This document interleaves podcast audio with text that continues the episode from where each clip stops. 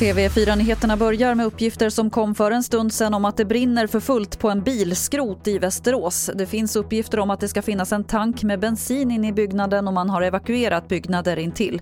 Det finns inga uppgifter om skadade personer eller om hur branden startade. Så till Malmö där en 16-årig kille hittades skadad utomhus sent igår kväll. Enligt polisen ska det röra sig om stickskador men det är oklart hur allvarligt skadad han är. De utreder det som försök till mord. Flera personer har förhörts under natten men ingen misstänkt är gripen.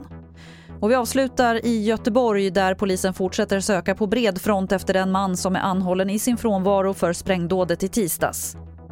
En bild börjar träda fram av den man som anhållits i sin frånvaro för explosionen i Annedal i tisdags. Enligt GT rör det sig om en person med koppling till en lägenhet i den drabbade fastigheten. En lägenhet vars innehavare skulle vräkas samma dag som sprängdådet ägde rum. Polisen söker nu med ljus och lykta efter den här mannen som beskrivits som en rättshaverist som hamnat i tvister med flera myndigheter. Reporter här var Per Liljas. Och fler nyheter det hittar du på tv4.se. Jag heter Lotta Wall.